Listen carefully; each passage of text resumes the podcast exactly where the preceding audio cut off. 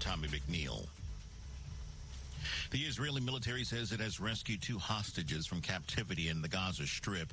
It identified them as Fernando Simon Marman and Louis Har. Says both men were kidnapped by Hamas militants from kibbutz, kibbutz in the October 7th cross-border attack. Rescue took place early Monday in the southern border town of Rafah in a raid that killed at least seven people, according to Palestinian officials. The army says both men are in good condition. Israel says around 100 hostages remain in Hamas captivity, as well as the remains of about 30 others. The death toll from a massive landslide that hit a gold mining village in the southern Philippines has risen to 54, with 63 people still missing. The landslide hit the mountain village in the province on Tuesday night after weeks of torrential rains. Uh, the provincial government said that in a Facebook post on Sunday that 54 bodies had been retrieved. It said 32 residents survived with injuries, but 63 remain missing. Officials have said among those missing were gold miners waiting in two buses to be driven home when the landslide struck and buried them. More than 1,100 families have been moved to evacuation centers for their safety. NATO's leader is warning that Donald Trump is putting the safety of U.S. troops and their allies at risk. The alliance's Secretary General Jens Stoltenberg issued a statement Sunday after the Republican presidential frontrunner said Russia should be able to do whatever the hell they want to alliance members who don't meet their defense spending targets. Stoltenberg said the 31 allies are committed to defending each other's. Trump's remarks caused deep concern in Poland, which has been under Russian control more often than not since the end of the 18th century. More at voanews.com. This is VOA News. Ukrainian officials say that Russian forces launched 45 drones over Ukraine in a five and a half hour barrage. The Ukrainian Air Force said it shot down 40 of the Iranian made drones over nine different regions, including on the outskirts of the capital. Strike comes as President Volodymyr Zelensky continues his reshuffle of Ukraine's war cabinet after naming a colonel as the country's new military chief Thursday. He appointed a lieutenant general as the new commander of Ukraine's ground forces, with Kiev trying to maintain momentum against attacking Russian forces as the war enters its third year. Defense Secretary Lloyd Austin has been hospitalized again following symptoms pointing to an emergent bladder issue. In a statement, the Pentagon said that Austin was transported by a security detail to Walter Reed National Military Medical Center around 2:20 Sunday afternoon. Austin has now transferred authorities to the Deputy Secretary of Defense Kathleen Hicks and remains in the hospital. Austin was diagnosed with prostate cancer in December and continues to deal with complications from his treatment. Police say a woman in a trench coat coat opened fire with a long gun inside celebrity pastor Joel Osteen's Texas megachurch before being gunned down by two off-duty officers who confronted her. The afternoon shooting at the Houston megachurch sent worshipers scrambling out of the building between busy Sunday services. Authorities say the woman was dead and a five-year-old boy with her was critically wounded by gunfire. They also say a 57-year-old man was wounded. Houston police chief praised the officers for their quick actions. Osteen says the shooting could have been much worse if it had happened during the larger 11 a.m. service. Patrick Mahomes, Travis Kelce, and the Kansas City Chiefs are back to back Super Bowl champions. Mahomes threw a three yard touchdown pass with three seconds left in overtime, and the Chiefs rallied to beat the San Francisco 49ers 25 to 22 on Sunday in the second overtime game in Super Bowl history, becoming the first repeat champs in 19 years and ninth overall. With pop star Taylor Swift watching boyfriend Kelce from a suite, the Chiefs captured their third Super Bowl title in five years and firmly established themselves as a dynasty. Recapping our top story, the Israeli military says it has rescued two hostages from captivity in the Gaza Strip. It identified them as Fernando Simon Marman and Luis Har and says both men were kidnapped by Hamas militants from a kibbutz in the October 7th cross-border attack that occurred. More at voanews.com. I'm Tommy McNeil, VOA News.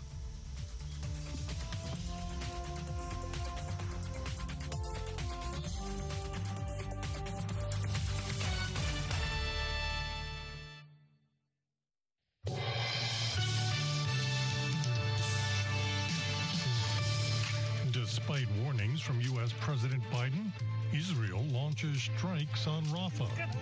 Many Palestinians say they fear a new Nakba or catastrophe. An aid package for Ukraine, Israel, and Taiwan moves forward in the U.S. Senate. Today, it's no exaggeration to say that the eyes of the world are on the United States Senate. And digitizing Nigerian history.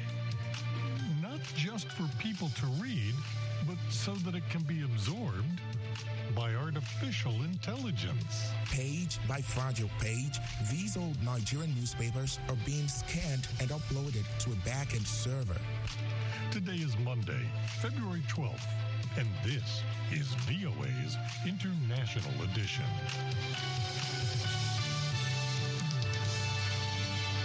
I'm Scott Walterman.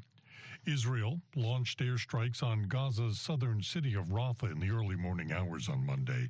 The White House had reaffirmed President Joe Biden's view that the military operation in Rafah should not proceed without a plan to ensure the safety of the more than 1 million people sheltering there.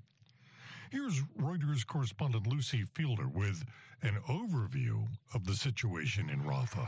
Israel has ordered Palestinian residents to move ever further south over the course of the war, but now there's nowhere obvious to go, prompting the UN to warn Israel against the mass displacement of Palestinians from Gaza.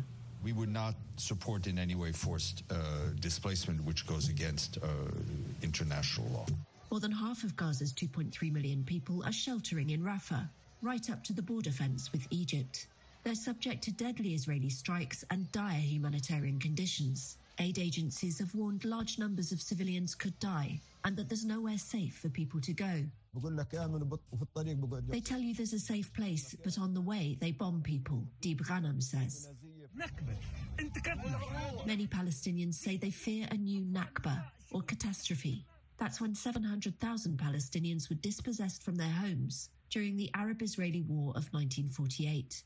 United Nations Secretary General Antonio Guterres has warned of mass displacement for months.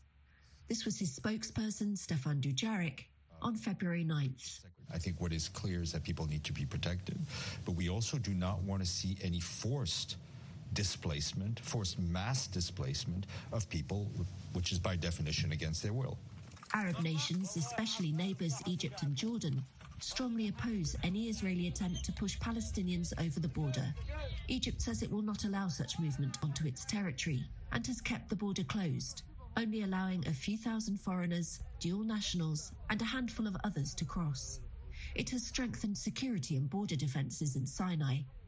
Arab countries say Palestinians must not be driven from the land where they want to make a future state, including Gaza, Israel has dismissed all suggestions that mass displacement is on its agenda. Prime Minister Benjamin Netanyahu's office says it has ordered the military to develop a plan to evacuate the population of Rafah. It says four Hamas battalions are deployed there. But comments by some high ranking Israeli politicians have stoked fears.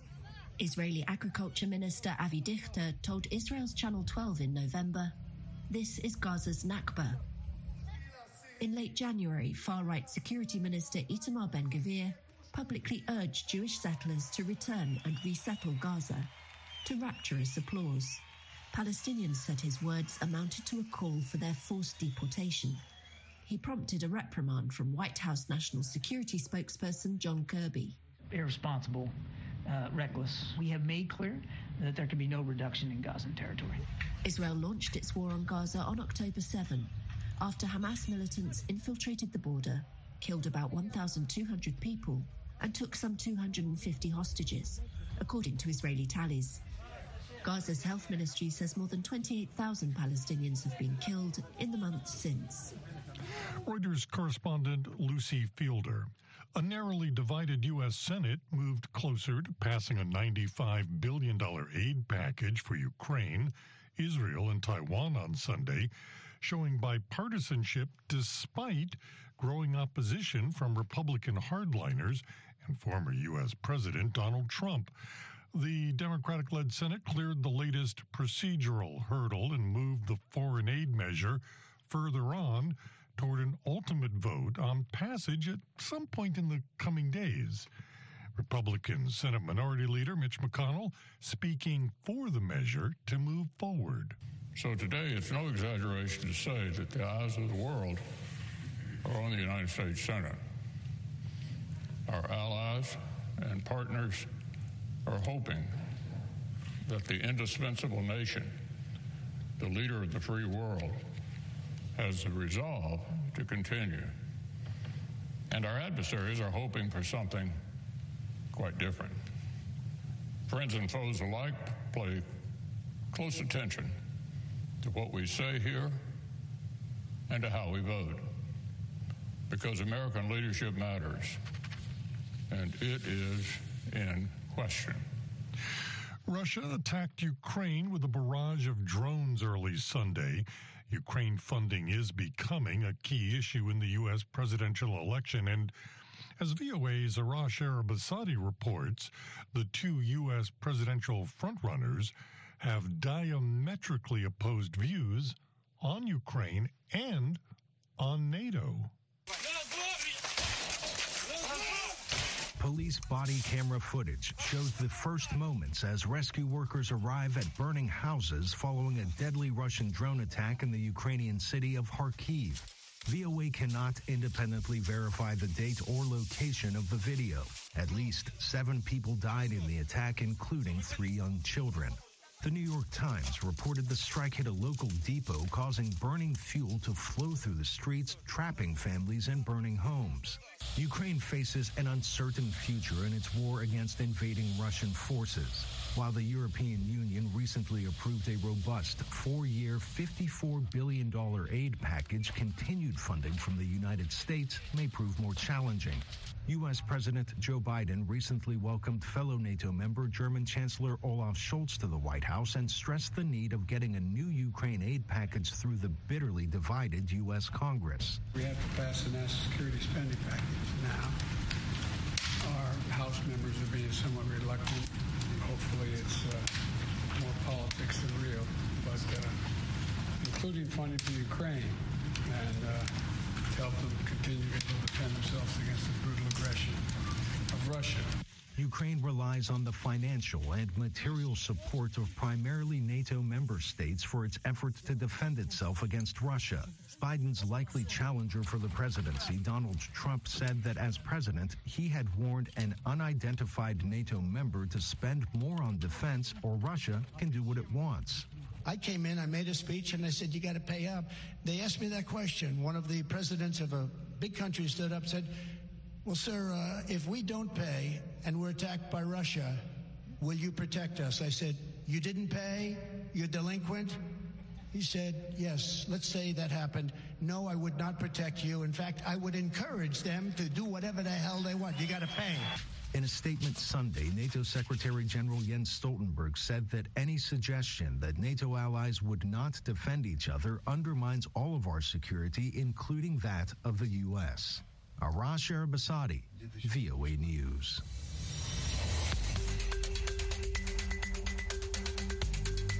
We're following these other stories from around the world.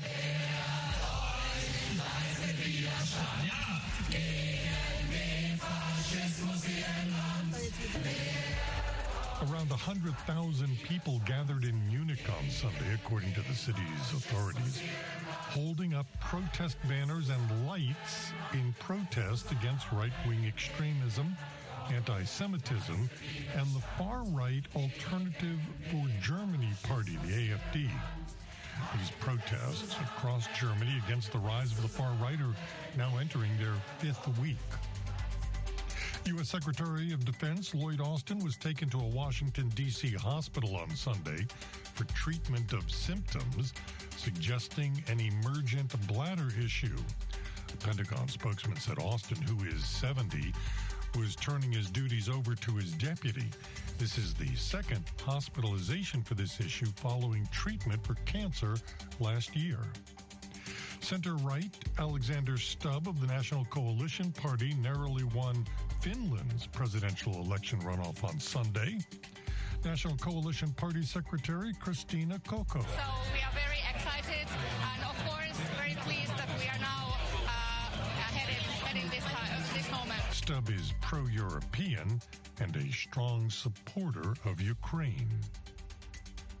Results from Pakistan's February 8th general election show candidates backed by former Pakistani Prime Minister Imran Khan winning the most seats in the National Assembly, despite a months long military backed crackdown on his party and the fact that he's in jail. But as VOA Pakistan Bureau Chief Sarah Zaman reports from Lahore, the results may not push the military to give up its hold on political power. Waleed Iqbal is a member of Pakistan Tehreek-e-Insaf. I would call it a vote uh, against every anti-PTI force. So I would say a vote opposed to, you know, PTI's witch hunt. Observers say the vote is a message for the powerful military that plays an outsized role in Pakistan's politics. The top brass is often called the establishment. Hassan Askari Rizvi is a political analyst the kind of vote the PTI um, uh, PTI supported uh, candidate got uh, is a message to the establishment that their policies are not acceptable at the common person level. Not having a unified electoral symbol, PTI candidates were forced to run as independents. Iqbal worries winners could be convinced or coerced to join rival political parties. Now that can happen through uh, dishonest and corrupt practices by, you know, vote buying. And this can happen through arm twisting and coercion and threatening uh, individuals and their families.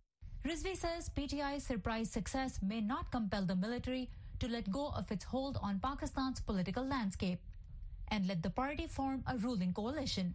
I don't think at the moment uh, I find any chance of flexibility uh, and a sense of accommodation in the establishment towards the PTI. Election results were delayed for hours.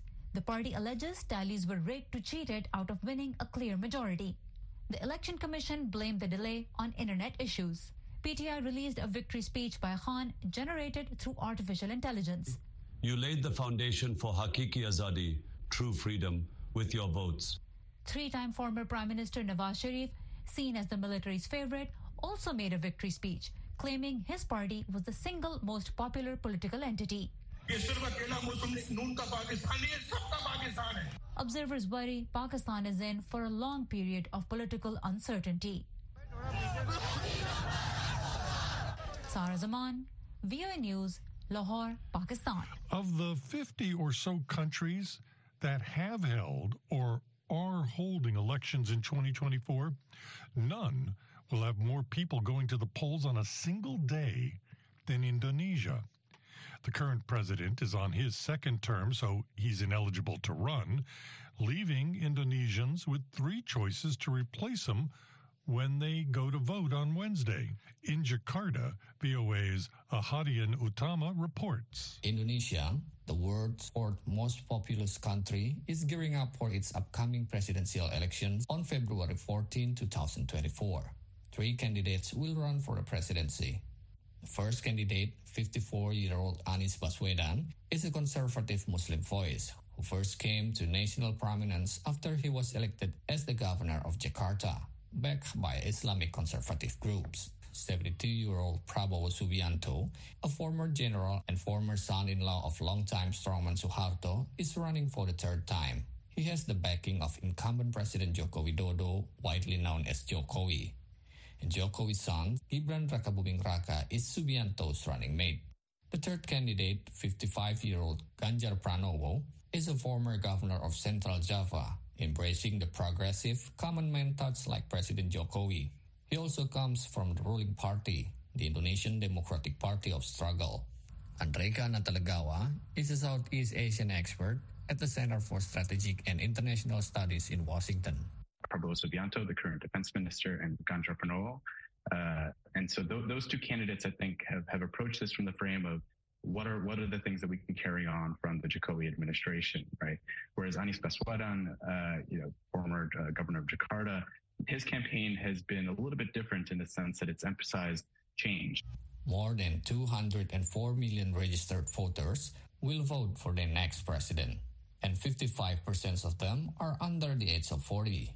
Jobs and the economy are their primary concern. Voter Rehan Zafir told VOA that he wants more job opportunities for young people, including fresh graduates like himself. Yang terpenting adalah perbaikan kondisi ekonomi. Tuyana Agustina says, uh, for her, the most important thing is improving economic conditions so the prices are more affordable. On foreign policy, the three candidates have different views. Regarding dispute in the South China Sea, Pranowo endorses a temporary agreement with China and strengthening Indonesia's naval capacity and patrols. Similarly, Prabowo Subianto says dispute in the South China Sea underlined the needs for a strong defense force, platforms for patrol, and additional satellites. Meanwhile, Anies Baswedan is calling for the ASEAN groups of nations to play a bigger role in resolving disputes. Dinna Wisnu is with the public policy consulting firm Synergy Policies in Jakarta. None of the candidate was very uh, direct in facing China. Uh, I think the bottom line is that Indonesia will continue building good relationship with China. To win the election, candidates must obtain 50% plus one vote. Otherwise, the top two candidates are headed for a runoff in June. In several surveys, Prabowo is ahead of the other two candidates, but has not yet reached 50%. So the presidential election will likely be held in two rounds. Ahadian Utama, VOA News, Jakarta.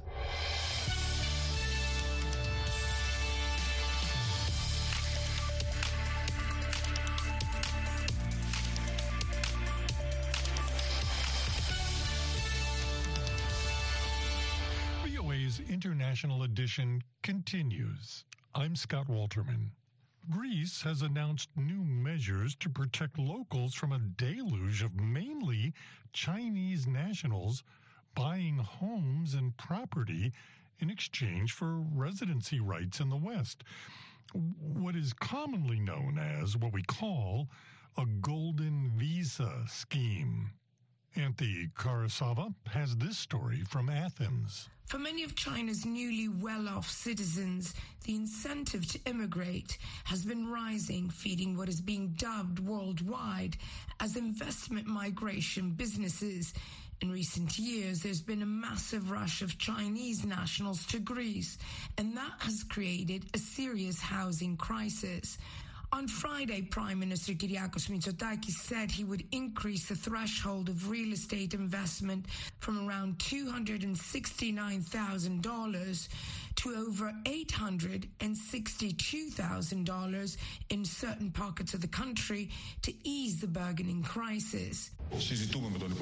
It is a major investment boost for the country, but also a serious measure we are considering to shield the local market, he told lawmakers in the Greek parliament. In a rare show of bipartisan support, opposition leaders sided with the plan. Because of a lingering housing shortage, they are now urging the government to block foreign home buyers from making a fortune off their investments.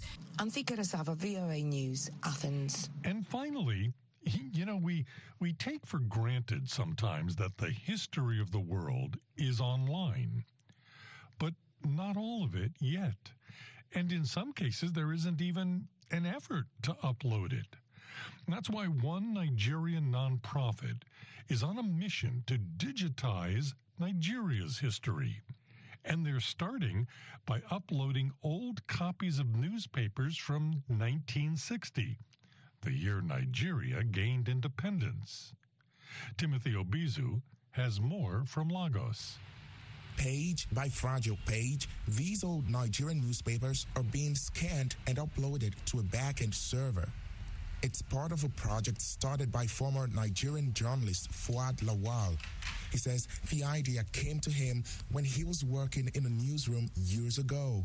When you want to find answers and like build context for your stories, um, it's hard to find archival stuff. I'm very sure you struggle to find archival footage about Nigeria um, in our case, it's hard to find like even like just basic information. Uh, and so the question became like, what would it look like if we tried to make all of this history accessible? But not just accessible to people. Lawal also wants to use all this data to make sure African stories are a part of any artificial intelligence base of knowledge. We are at the dawn of a new information age um, by way of AI. And when you use like these tools, these these AI tools, one of the things you quickly learn is that African information is grossly underrepresented, right? It is barely right about anything in the context of Nigeria. This project hopes to change that. The server currently holds more than 60,000 pages of what could become Nigeria's first interactive digital newspaper archive. Historic events across six decades, including military coups, civil war, and notable elections, have so far been captured. The project has attracted nearly $40,000 in donations and is driven by volunteers like Boyega Taiwo. I joined archiving in April last year, um, so almost a year now. We come here every day, we scan, um, we catalog, um, we log on our Notion um, just to track progress and uploading on the AWS. Coming here every day, uh, flipping through pages, um, it just helps. It does something. It helps. Um, I think knowledge, right? Like there's a lot of things that we've learned. Once all the material is online, Lawal says AI powered tools such as language translation apps, grammar checkers, and speed recognition software will have access to information about Nigeria that has never been online before. But we believe that by digitizing these old newspapers, we're basically taking like dark data, that is data that is inaccessible.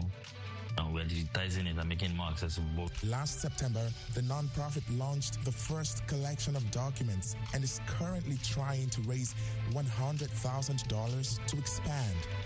Timothy Obiezu, VOA News, Lagos, Nigeria. This has been International Edition on the Voice of America. On behalf of everyone here at VOA, thank you so much for joining us. For pictures, stories, videos, and more, follow VOA News on your favorite social media platform and online at voanews.com.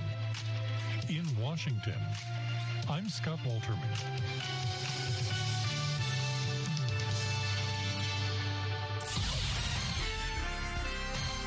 Next, an editorial reflecting the views of the United States government. The United States has supported peace efforts in Africa for decades through its bilateral and multilateral diplomacy and by supporting humanitarian access and protection of vulnerable populations through peacekeeping, said Jonathan Pratt, Deputy Assistant Secretary of State for African Affairs, in recent congressional testimony. The United States has made significant financial contributions to the United Nations, which has undertaken a number of peacekeeping missions in Africa to provide help in challenging situations, explained Deputy Assistant Secretary Pratt. These missions have helped safeguard civilian populations from armed groups and warring parties despite shortcomings and specific instances of unacceptable conduct by some peacekeepers. Today, we are seeing a desire from African leaders and the African Union to take the lead on peacekeeping efforts, said Deputy Assistant Secretary Pratt. UN Security Council Resolution 2719 shifts peacekeeping responsibility to African partners with financial support from the United Nations. An essential element of UN, African Union, and sub-regional missions is that they include safeguards designed to promote respect for human rights, protection of civilians, and humanitarian access, said Deputy Assistant Secretary Pratt.